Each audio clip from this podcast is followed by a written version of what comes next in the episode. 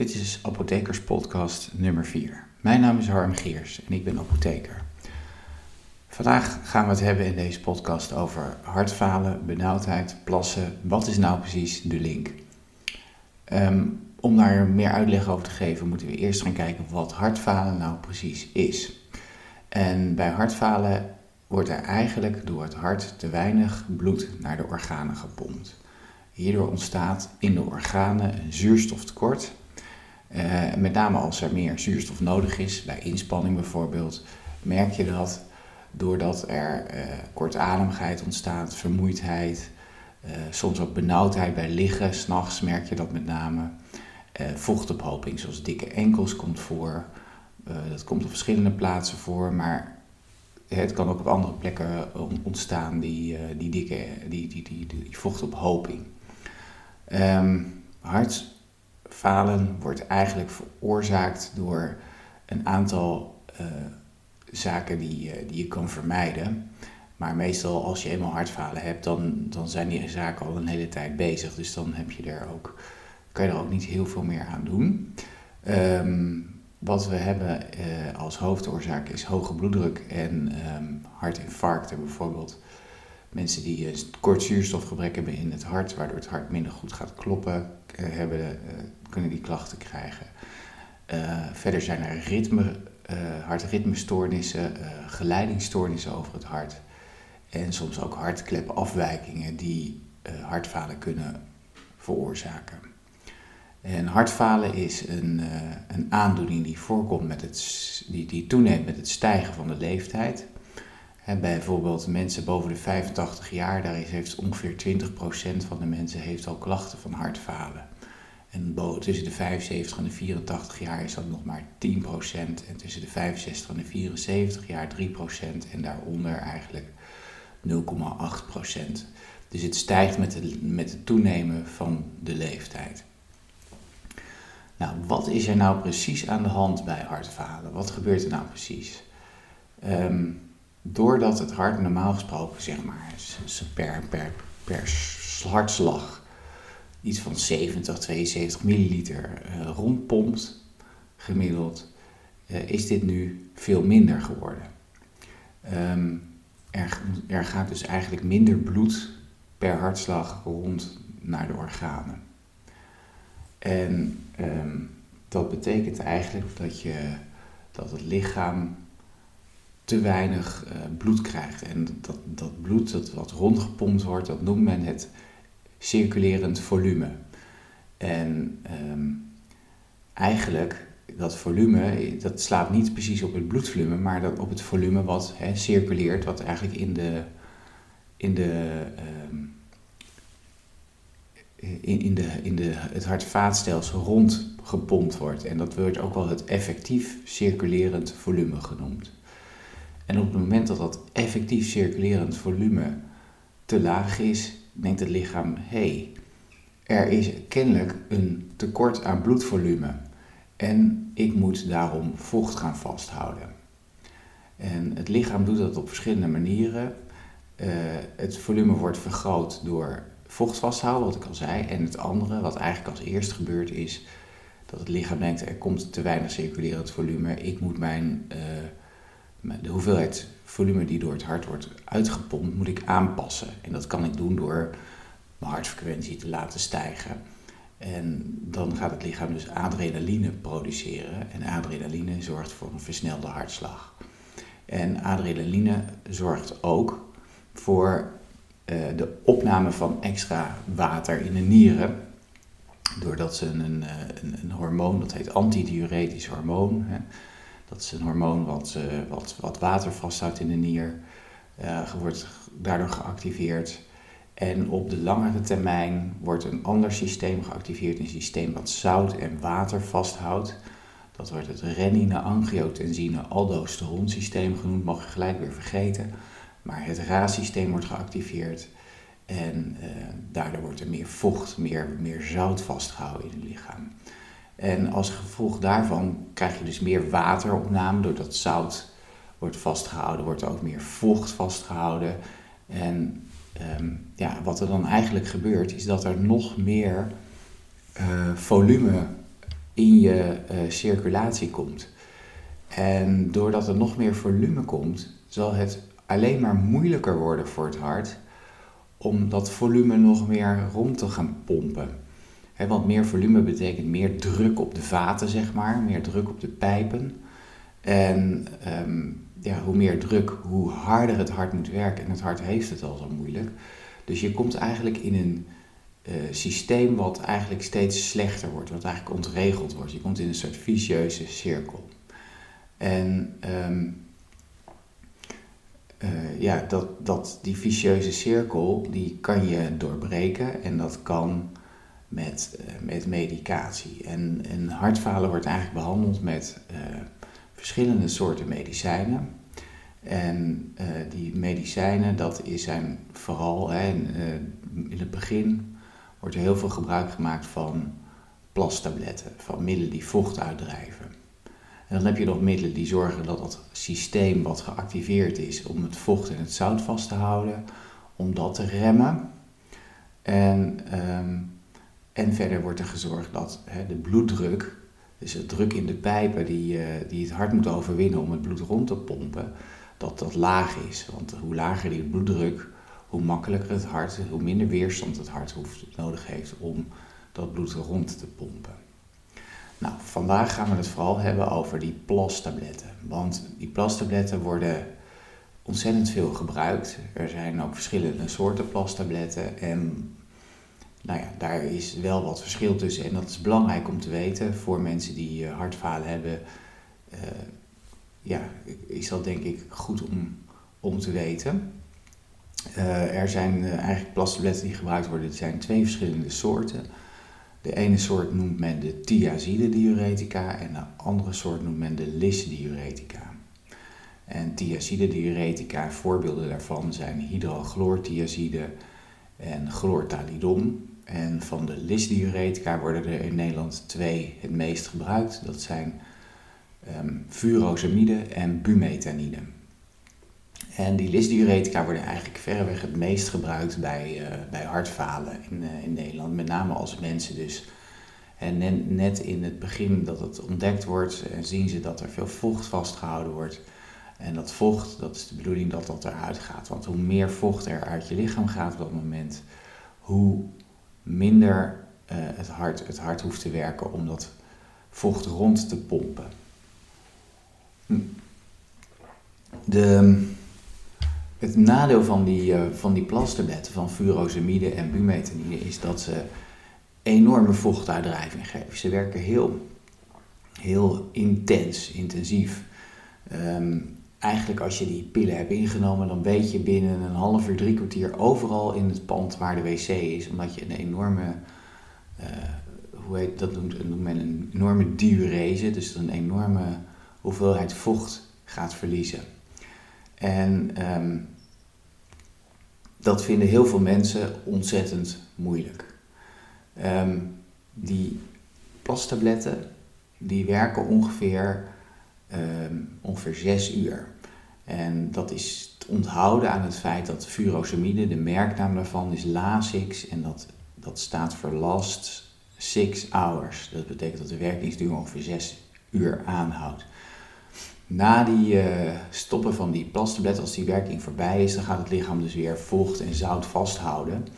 En uh, ja, loopt het lichaam langzaam weer vol. Dus daarom is het ook belangrijk om nog andere medicatie te gebruiken.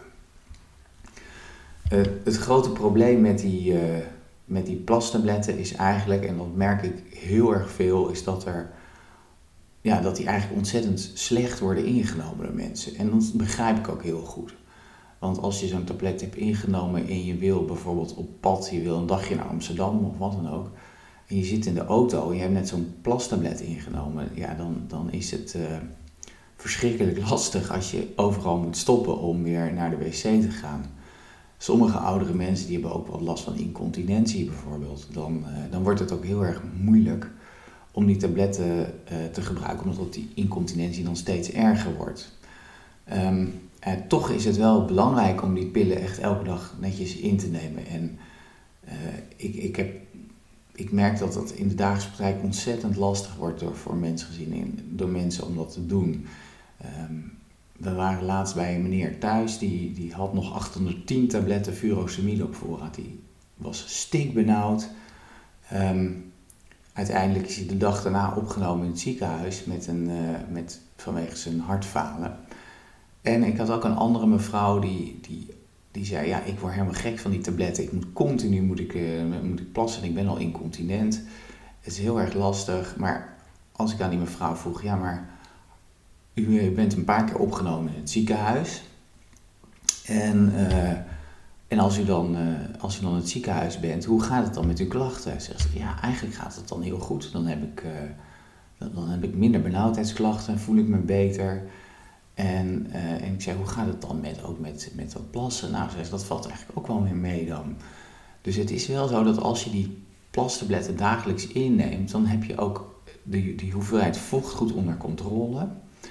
Um, er, het, het, wordt, zeg maar dat je een liter uitplast, dan komt een liter bij, plas een liter weer uit, komt een liter bij. Dat is dan een beetje hetzelfde elke dag. Maar als je dan zo'n tablet overslaat, dan moet je plotseling in één keer anderhalve liter gaan uitplassen, bijvoorbeeld als je hem een keer overslaat. Dus dat is heel erg um, belangrijk om te weten. Um, deze plastabletten die moeten ook, die kunnen soms ook vaker per dag worden ingenomen, dan werken ze ook beter. En dus twee tabletten furosemide in één keer werken minder goed dan als je ze gescheiden inneemt. Dan is het wel belangrijk om te weten dat als je ze gescheiden inneemt, dat je de laatste uiterlijk om drie uur s middags moet innemen, omdat je anders s'nachts last nog hebt van de werking. Uh, en dan moet je dus heel vaak je bed uit om te plassen. Dat is niet heel prettig. De dosering van die, van die, uh, van die lysdiuretica, van die plastabletten, die wordt eigenlijk bepaald op basis van de ernst van de klachten. Dus als er heel veel vochtophoping is, mensen met acuut hartfalen, die worden vaak opgenomen in het ziekenhuis, um, die, hebben een, um, die hebben natuurlijk een hogere dosis, die moeten meer vocht verliezen.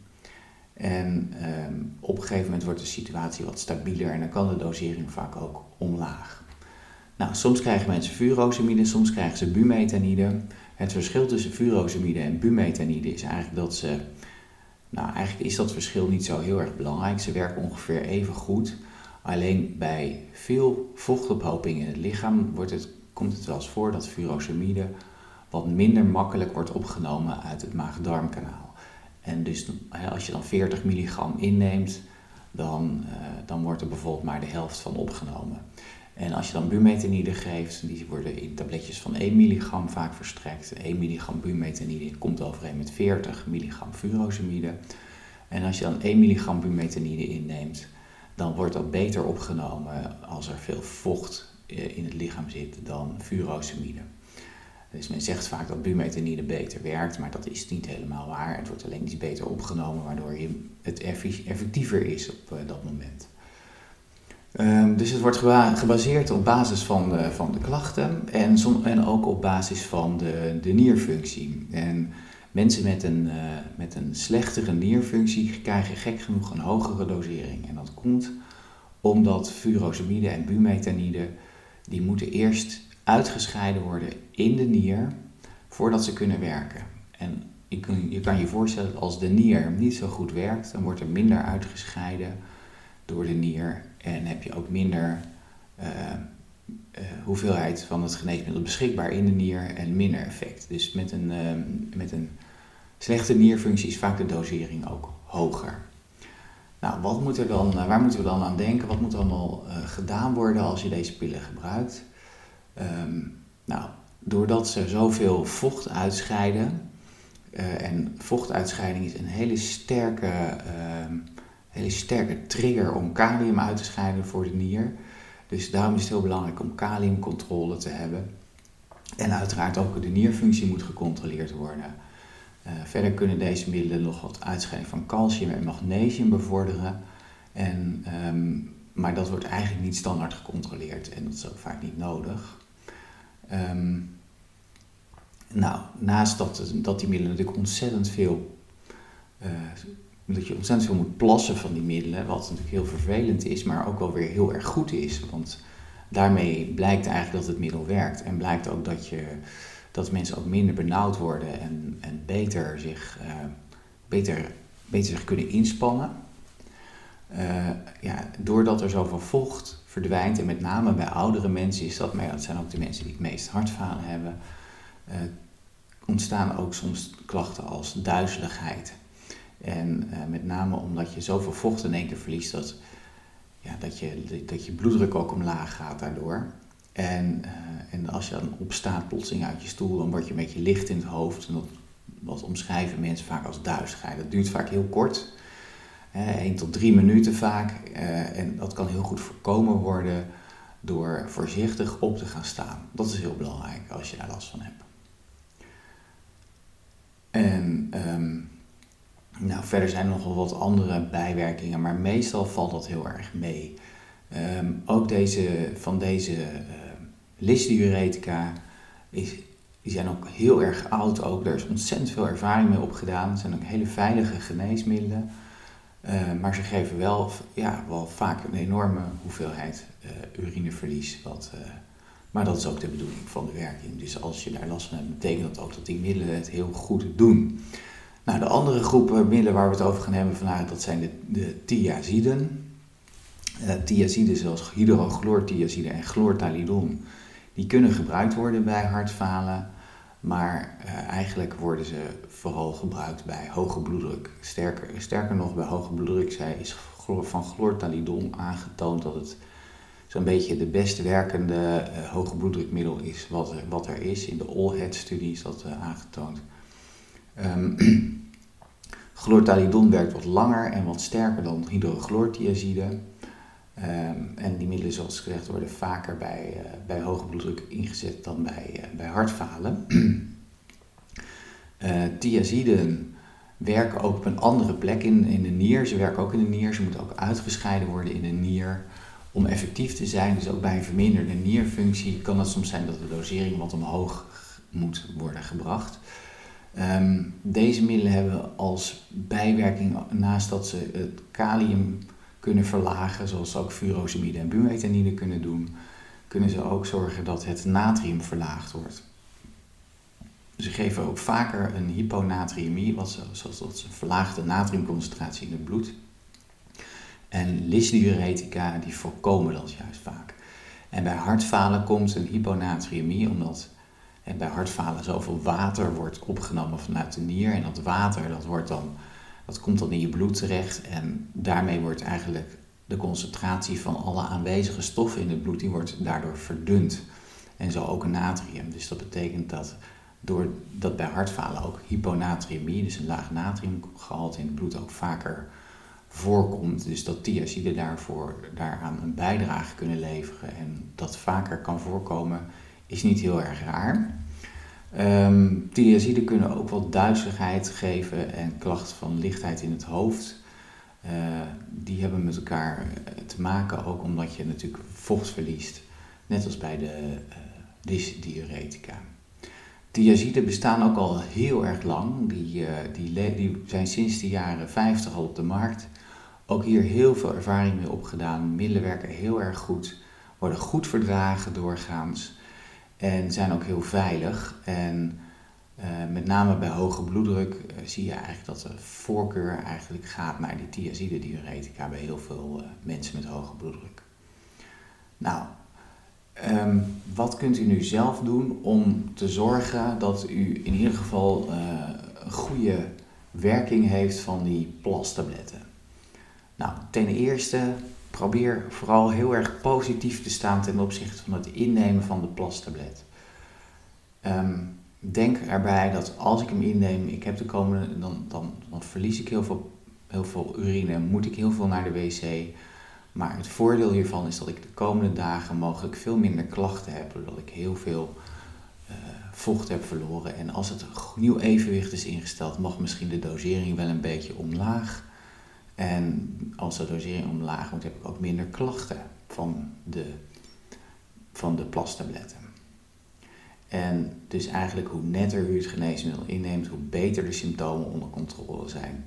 En hoe beter de dosering naar beneden kan worden bijgesteld. En zeker als daarna, hè, na die plastabletten ook de preventieve medicatie gaat werken. De preventieve medicatie, daar zal ik het volgende keer over hebben in de volgende podcast.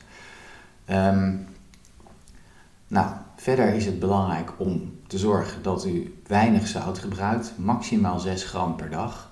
Dat is best wel moeilijk omdat zout bijna overal in zit. Dus ehm, het voordeel ook als je weinig zout eet, is dat die plastabletten ook veel beter en effectiever gaan werken.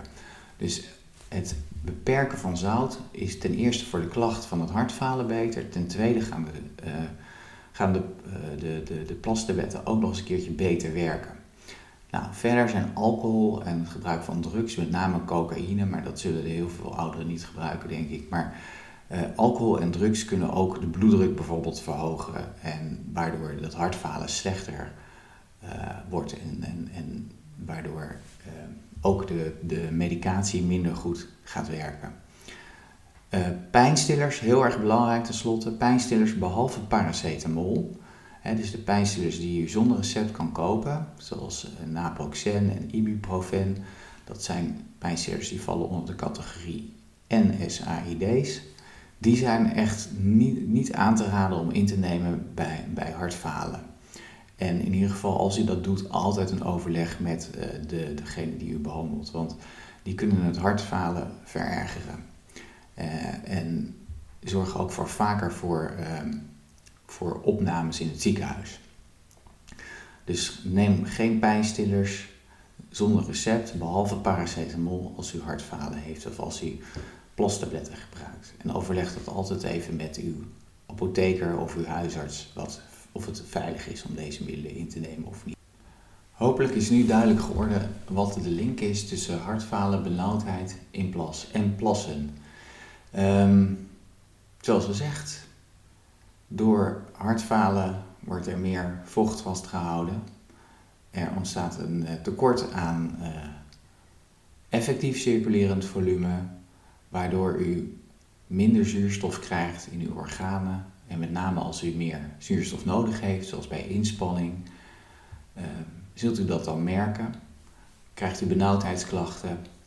En uh, om te zorgen dat de hoeveelheid vocht die opgenomen wordt doordat het hart minder gaat pompen, um, om te voorkomen dat dat, uh, zorgen dat het vocht verdwijnt, zijn plastabletten nodig. En daarom zie je bij hartfalen altijd het gebruik van plastabletten. En dat plassen en die benauwdheid, die zijn dus eigenlijk min of meer met elkaar verbonden uh, via de medicatie die gebruikt wordt. Um, de volgende apothekerspodcast zal gaan over de preventieve middelen die gebruikt worden bij hartfalen, die minstens zo belangrijk zijn als de plastabletten en eigenlijk de hoeksteen vormen van de behandeling. En dat zijn de angiotensine converting enzyme remmers, oftewel de ACE-remmers, de angiotensine receptorblokkers of de sartanen. En uh, een nieuwe groep middelen, dat zijn de angiotensine receptor neprilycine remmers, de ARNI's. En dan heb je nog de aldosteron-antagonisten en de beta-blokkers. Hartelijk dank voor het luisteren naar de Apothekers Podcast. Ik hoop dat u het interessant vond. Volgende week is er weer een podcast. En als u suggesties of vragen heeft, dan kunt u mij bereiken via Twitter. Ik ben bereikbaar onder harmgeers. Mocht u suggesties voor onderwerpen hebben, laat het mij vooral weten. En ook al uw vragen probeer ik te beantwoorden. Hartelijk dank voor het luisteren en zorg dat u deze podcast deelt met uw vrienden en kennissen. Dank u wel.